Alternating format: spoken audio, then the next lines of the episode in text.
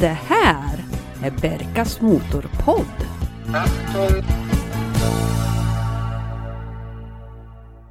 Hej och varmt välkomna till Berkas Motorpodd och det nionde avsnittet i serien. Jag som pratar heter Berka men kallas för Jörgen. Ja, ni som har varit med och lyssnat lite grann på den här podden vet ju att det här handlar om bilägarhobby. Hur det är att putsa, skruva, äga, köpa och sälja. Följ oss gärna på Instagram, Facebook och alla de här medierna. Och det finns även möjlighet att mejla mig på berkasmotorpodd gmail.com och på vår egna hemsida www.berkasmotorpodd.se Nu sätter vi igång det här fantastiska avsnittet.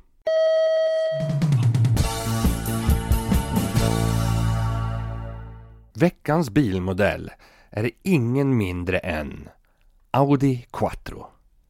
Den här ylande och eldspottande rallyklassikern ifrån 80-talet. Jag har ägt tre stycken och de två första tänkte jag lite snabbt gå igenom. För det är nämligen den senaste som är riktigt intressant. Årsmodellerna som jag hade var 1983, 84 och 85.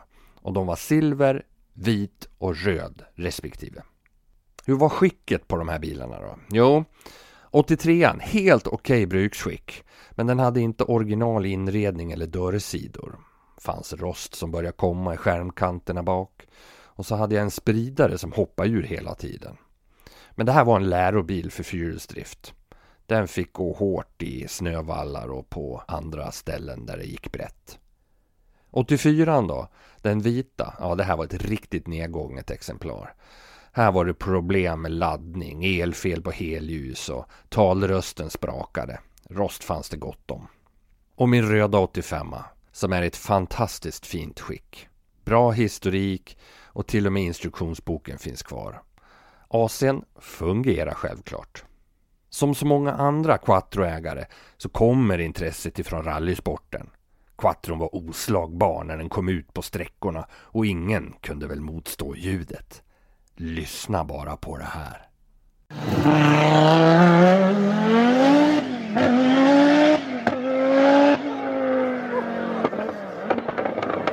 Audi satsade på duktiga förare och Hanno Mikkola, Michel Monton och Stig Blomqvist skördade stora framgångar och VM-segrar.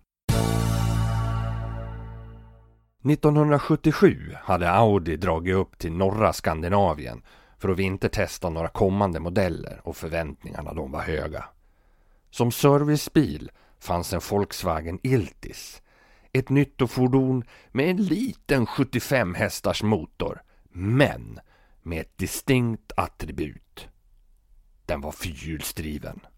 Den sopade mattan med alla Audi-bilarna på de hala vintervägarna och det här var någonting som testingenjören Jürg Benzinger noterade. Idén om en fyrhjulsdriven Audi föddes och projektet godkändes av dåvarande utvecklingschefen Ferdinand Peach. Från början skulle bilarna hetat Audi Karat.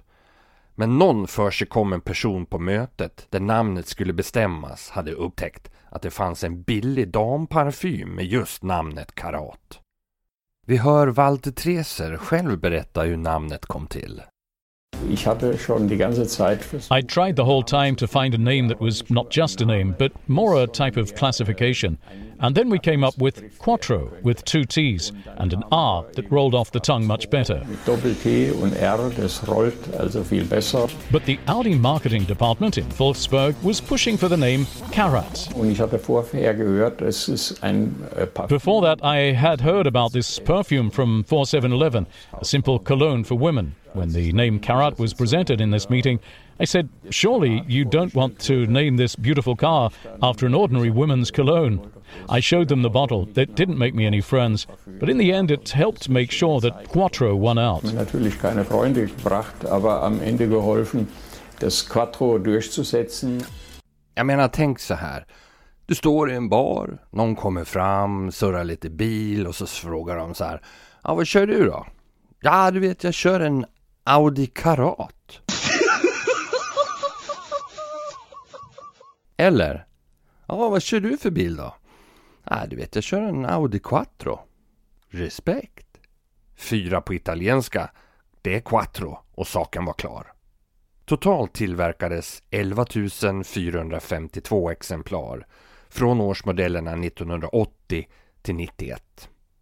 Den femcylindriga turbomotorn den fanns som 10 ventiler på 200 hästar fram till 1988 och sen kom 20 ventiler med 220. Endast manuella femväxlade lådor fanns att tillgå. Tackar. Några olika lösningar på diffspärrar fanns också. De tidiga bilarna hade ett vajerstyrt system med två små handbromsliknande spakar vid sidan om den riktiga bromsen. Sen 1983 kom ett vakuumstyrt system med utdragspak i mittkonsolen. Den ersattes vid faceliften 1985 med ett vred på samma plats. Och 1988 så kom det automatiska systemet med en knapp för bakdiffen. Vad tyckte pressen? Jag lämnar med varm hand över till motorjournalisten och min kamrat Erik Lund för att prata lite prestanda och press. Ja, och då kan man ju till exempel eh, gå in i bokhyllan och leta fram sin gamla Alla bilar-katalog som Teknikens Värld ger ut varje år. Och 1983 så är det då en Ford Sierra, en Citroën BX och en nya Audi 100 på framsidan. Men bläddrar man till sidan 31 så hittar man det som vi tycker är intressant idag, nämligen Audi Quattro. Och det var ju då första årsmodellen den kom till Sverige. Eh, den kostade 188 200 kronor i standardutförande. Och det var alltså nästan lika mycket som en Porsche 911 SC vid samma tidpunkt. Och en eh, ny Volvo 240 kostade för jämförelsens skull från 58 000 kronor. Så det här var en redigt dyr bil. Teknikens Värld skriver i sin lilla sammanfattning här att Quattro är en bil som ska köras långt, länge och fort. Då först börjar man förstå hur oförskämt roligt Stig Blomqvist och Michel Mouton har det på rallynas specialsträckor. Och med dåtidens mått mätt så var det ju en riktigt snabb bil. 0 till 100 på 7,1 sekunder och toppfart 220 enligt tillverkarens siffror. En som var med när Quattron var ny var min pappa. Och vi eh, tar väl in honom i studion här via länk och ber honom berätta lite grann om hur upplevelsen var när han körde Audi Quattro för första gången. Ja, det här var ju när eh, Audi-handlaren här i stan hade fått upp en eh, bil ifrån VAG och det var ju en Audi Urquattro som var häftig på den tiden så den cirkulerade runt i Sverige och eh, vi blev nerbjudna på en lunchmörgås och så skulle vi få provköra bilen. Och det var jag och sen var det en kille till som tog bilen på vägen ut och vi letade reda på en eh, rätt så kul smal asfaltväg som eh, är ganska kul att köra en Audi Quattro på. Och eh, när vi kommer ut där så hittar vi en bra vändplats där jag tog över bilen och så skulle vi åka tillbaks. Och då var det ju så här att för att det skulle gå rätt till så var ju bilfirman tvungen att ha med en bilförsäljare och representant med i bilen och han satt sig i det lilla baksätet som finns på urkvattron. När vi åker tillbaks sen så laddade jag på rätt så bra över ett krön så vi flög över det krönet med bilen och landade som tur var mitt på vägen och åker tillbaks i lugn och ro till bilfirman och lämnar tillbaks bilen. Och bilförsäljaren där, han sa ingenting utan bara klev ur bilen och så gick han rakt in på bilfirman. Och det visade sig tydligen att eh, han mådde väl inte så riktigt bra efter den åkturen så att eh, jag fick reda på det efteråt utav en taxichaufför att han hade sjukskrivit sig och gått hem den eftermiddagen. Och det var väl lite klumpigt gjort av mig att göra på det sättet. Men en sån här bil ville man ju testa ordentligt. Jag skämdes väl lite när jag fick reda på att han var tvungen att bryta för dagen och gå hem och sjukskriva sig. Fick du några fler inbjudningar? Nej, det har ju inte hänt något mer. Jag vet bara en gång att du och jag åkte ner på samma bilfirma och skulle provköra en eh, Golf, vad heter den, RS någonting. Jag tror att det var GTI Synkron faktiskt när den kom. Så var det nog ja, det kommer inte jag ihåg men det var en av de häftigare golfarna i alla fall. Och då säger bilförsäljaren där att ja, sa jag åker inte med sa men du har ju din son med dig så att då är det väl okej okay då sa Så fick vi ta den bilen och provköra också men den flög vi inte med. Att hitta ett fint exemplar, det visade sig vara lättare sagt än gjort. Som så många andra nu eftertraktade modeller hade den varit nere i låga priser i slutet av 90-talet. Och med det här så minskar också ägarnas benägenhet att ta hand om bilarna. Att jag sedan hade vissa krav eller eh, önskemål på färg och utrustning gjorde väl knappast att utbudet direkt ökade. Jag finkammade bilannonsbörser och nätet efter min bil. Och så en dag, 2003, fanns den plötsligt där på en bilfirmas hemsida. Problemet var bara att jag bodde i Köpenhamn. Tuborg på plastik, inge klinke klanke. Och hade inte möjlighet att ta mig till Stockholm och bilen såldes. Mer sökande utan resultat. Men man får inte ge sig när man letar efter en entusiastbil, för plötsligt händer det. Ett år senare på hösten 2004 så dök samma Quattro upp hos samma handlare. Killen som hade köpt den tidigare behövde få loss kapital till en båt och på det viset så kunde jag nu äntligen, efter en väldig massa tjat och förhandlingar, hämta hem min pärla. Med alla rätt på önskelistan kunde jag nu njuta utav min tornadoröda urquattro med skinnklädsel, AC och den brutala 10 ventilers motorn. Ja, jag, jag vet att 20 ventilen är snabbare, men den är också mer civiliserad och har inte det där rätta rallyljudet som jag vill ha. Min bil är en 85 vilket betyder att den har en faceliftade, lite mer vinklade fronten, precis som 20 ventilers bilarna har. Och den i mitt tycke snyggare vredet för differentialerna i mittkonsolen. Alla rätt med andra ord. Men vad är då tjusningen med Audi Quattro? Jo, när jag kliver in i den så möts jag av den här überavancerade digitala instrumenteringen. Allt som går att mäta görs med en stapel eller fyrkantiga digitala siffror. Och som om inte det vore nog så finns Patricia, en röstsyntes som eh, med bestämd rikstyska berättar saker som inte stämmer eller om du har missat handbromsen eller inte tar på dig bältet. Achtung, handbremsen lösen. Bitte Sicherheitsgurt anlegen. Vrid sedan om startnyckeln och allt vaknar till liv. Kolla in hur hastighetsmätaren kalibrerar ner från 288, 188 och till noll. Lägg i ettan, gasa och lyssna på den ylande turbofemman. Ketchup-effekt? Jodå, här välter en hel långtradare med chilisås. Det här var en bäst när den var ny. Men även så här 36 år senare upplevs bilen som pigg och alert. Sen har vi ju utseendet.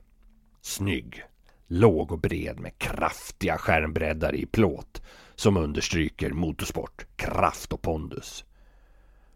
Framrutan är väldigt lågt vinklad och ger ett aggressivt utseende. Den har en utstrålning som ofta visar sig när man ska tanka på macken.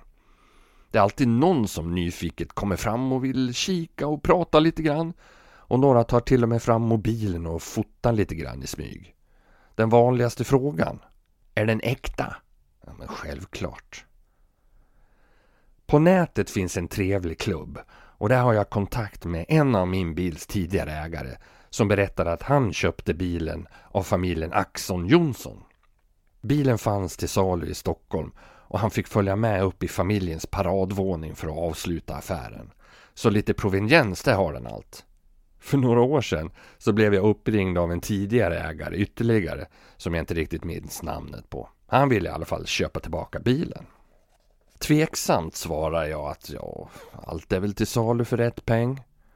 Ja, du ska inte tro att du får mer än vad du gav för den, röt rösten tillbaks. Och jag svarade någonting diplomatiskt med att bilen nog inte var till salu för något pris alls.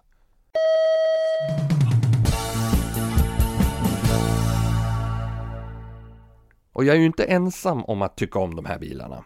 Så med oss nu på länk så har vi Christian Höglund, Quattroentusiast och bokhållare när det gäller våra bilar. Välkommen till podden! Tack, jättekul att få vara med. Hur kom det sig att det var just Audi Quattro som du blev intresserad av?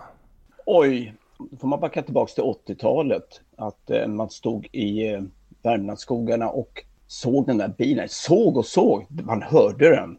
Man hörde en visselsignal Och så plötsligt var det, hörde man ett fruktansvärt fantastiskt vrålande. Och sen swish så var den förbi. Och det, och det där satt ju i mig att eh, det, en sån där bil skulle jag vilja ha. När köpte du första Quattron och hur, hur gick tankarna då? I början på 2000-talet tänkte jag, nej men nu, nu ska jag ha en GT. Och det var en GT uppe i Uppsala, en Monza blå. Det, det, var liksom, pengarna var nästan uppe, 35 000 kronor. Men då såg jag en annons på en urkvatter och då kom det gamla begäret tillbaks. En urkvatter för 25 000. Ja, men det måste, det måste ju vara mycket bättre än en GT. Sen när jag hade sålt den, då tänkte jag, ah, men fasiken varför sålde jag den där bilen? Det är ju drömbilen. Vad gör jag? Ja, då började jag leta bland gamla bilannonser. Och så hittade jag en bil. Jag ringde upp till ägaren och ägarens fru svarade, nej men han är inte hemma, han sitter på pass ute i skogen, älgjaktstider var det där. Ja, men jag fick hans mobilnummer och så ringde jag honom och han har berättat efteråt att han låg där i mörkret och väntade på att det skulle dyka upp en älg. Och så ringer en tokig stockholmare och säger, hej! Jag har sett en gammal annons på din bil, en annons som är 15 år gammal och jag vill köpa din bil. Och sen började vi deala om det där. Priset från början på bilen det var 60 000 kronor jag var välkommen upp. Och så hade jag bokat biljett och allting för att åka upp och så ringer han dagen innan. Nej, sa han. Jag kan inte sälja bilen, men du ska ha tack för att du väckte upp mitt intresse om bilen. Ja, det var ju trist tyckte jag. Så gick det väl ett tag och jag letade andra bilar. Jag var ute och provkörde en 83 alltså, som var fantastisk förutom att hela instrumentpanelen flipprade och eh, spökrösten den höll på att tjattra hela tiden så det kändes inte som riktigt bra köp. Sen ringer den här karln 2007 Ja, men sa han, nu har jag faktiskt fixat till bilen, mycket fräschare fil, ingen rost och sånt. Ja, men nu vill jag ha 100 000 för den. Ja, men det är okej, sa jag. Jag åker upp, jag kommer. Åkte upp, satt på princip nästan på tåget upp. Då ringer karln igen. Nej du, jag har ändrat mig. Jag kan inte sälja bil. Hopp. Och då var det liksom lätt frustrerat. Mm, ja, mm, okej. Okay. Och så var det inte mer med det. Sen höll det på att bli en Porsche 911 däremellan. Eh, och det är en historia för sig förstås, men nu blev det inte den Porschen. Och sen maj 2008, då ringer han igen. Men du, nu, nu, nu vill jag sälja bilen. Fast nu kostar den 120 000 kronor.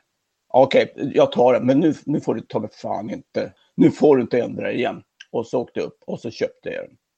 Och eh, det är väl historiken kring det med bil, eh, ur Quattro för mig. Ja, det är tydligen så att man måste tjata och ha tålamod för att få tag på rätt bil så att säga. Det fick ju jag göra också. Men du Christian, är det vanliga bilar det här idag? Nej, det är det ju verkligen inte. Man kan väl säga så här att det finns, jag har ju gett mig på att försöka hitta bilar genom åren och jag kan ju konstatera att det finns väl, har passerat ungefär 425 urkvattrobilar i Sverige. Av dem finns det knappa 300 kvar. Eh, men om du ska se en, ut och titta på en bil, ja, då, då är det desto ovanligare. Du kanske hittar omkring 50 stycken som är besiktade. Sen vet jag att det är många som kör med dem i alla fall, det är en annan fråga. Men, men statistiskt så är, hittar du inte alls många bilar. Vilka årsmodeller är vanligast? Ja, det är 83 eh, Det var ju första året man började sälja bilen i Sverige. Och hur eh, många kan det vara där? ja, säg att det finns en 80-90 stycken kvar kanske. Därefter kommer faktiskt årsmodell 90 tror jag. Det finns väldigt många av. Det, det är lite fascinerande för det är en väldigt åtråvärd årsmodell, 20-ventilsmotorn. Du har ju också samlat ett otroligt stort annonsmaterial på Quattro-bilarna. Du har ju alltså urklippta och kopierade annonser från lång tid tillbaks som man kan ha som källmaterial. Hur kom det där sig? På den tiden så var min arbetsplats två steg ifrån Kungliga biblioteket. Det var ju strålande. Jag, jag tog ut flextid, jag tog ut eh, luncher, jag gick dit och satte mig och läste. Till sist så var jag tjenis med alla som, alla som jobbade. Det var, det var liksom, jaha, ska du titta i tidningen nu igen? Så där satt jag och gick igenom tidning efter tidning efter tidning. Fotade, drog kopior och allting. Man fick ju vara försiktig med materialet. Och det, det, var ganska spännande i sig, för jag hittade några gamla tidningar som var från 80-talet som var på något sätt, man tyckte så att det var unika tidningar, så då fick man gå in i speciella rum där det var konstant lagom luftfuktighet, det var en vakt som kontrollerade ens legitimation. Och när man gick in där fick man ta på sig vita handskar. Där satt jag och bläddrade i bilannonser. Och genom att titta på bilannonser då kan man då hitta bilar. Hur många annonser rör det sig om ungefär då? Jag har alltså idag 2600 unika bilannonser på urkvattrobilar. Genom det har jag då hittat de här 425 bilar sammanlagt. Men då sitter du på ett otroligt bra källmaterial där. Ja, det gör jag. Man kan säga så här, så fort det dyker upp en annons idag på Blocket exempelvis, där folk försöker skymma nummerplåtar och allt sånt där. Så tittar jag bara ner i mitt lilla register som numera finns i en bra databas.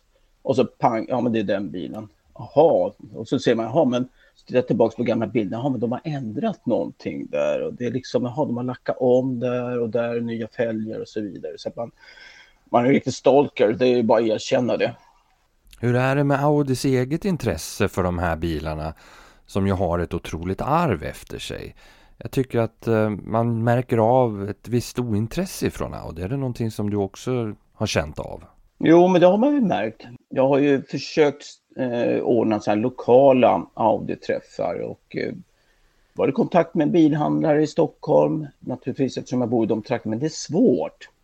Och även då Audi i eh, Södertälje, alltså huvud, säga, huvudimportören av bilar som, som, som, där de har stort intresse bil, är inte intresserad av att fundera på sitt arv. Så att, eh, jag kan hålla med om att det är lite svårt tyvärr.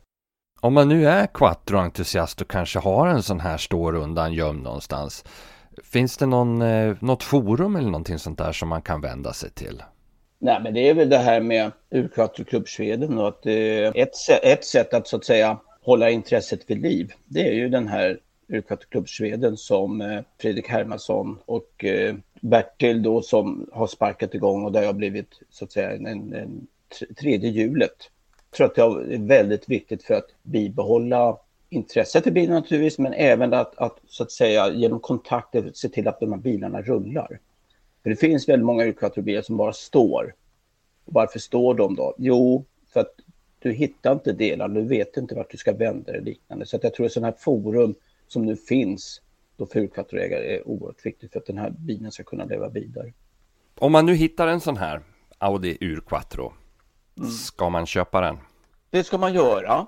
Man kan säga så här att det, det är ganska lätt att tänka sig att en, ju dyrare bilen är, desto bättre skick är den i. Ska du samla på en, en original, vill ha en originalbil, då gäller det att se till att hosta upp de pengarna, för du hittar inga delar för att bygga om en bil så att den blir originalbil igen om den är ombyggd. Det går inte.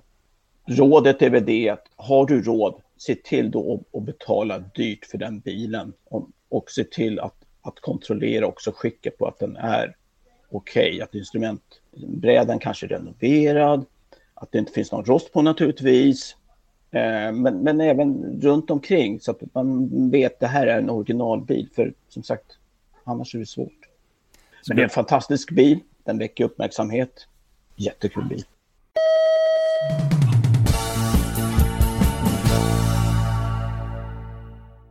Ja, det var allt vi hann med att bjuda på idag. Tack för att du har lyssnat på det här avsnittet om Audi Quattro. Faktiskt den första bilen här i serien som jag fortfarande har kvar. Men det finns många, många fler bilar att prata om. Så fortsätt lyssna och kom ihåg att dela och prenumerera på podden. Mailar gör du på berkasmotorpodd gmail.com Och tills vi hörs nästa gång, kör så ni trivs!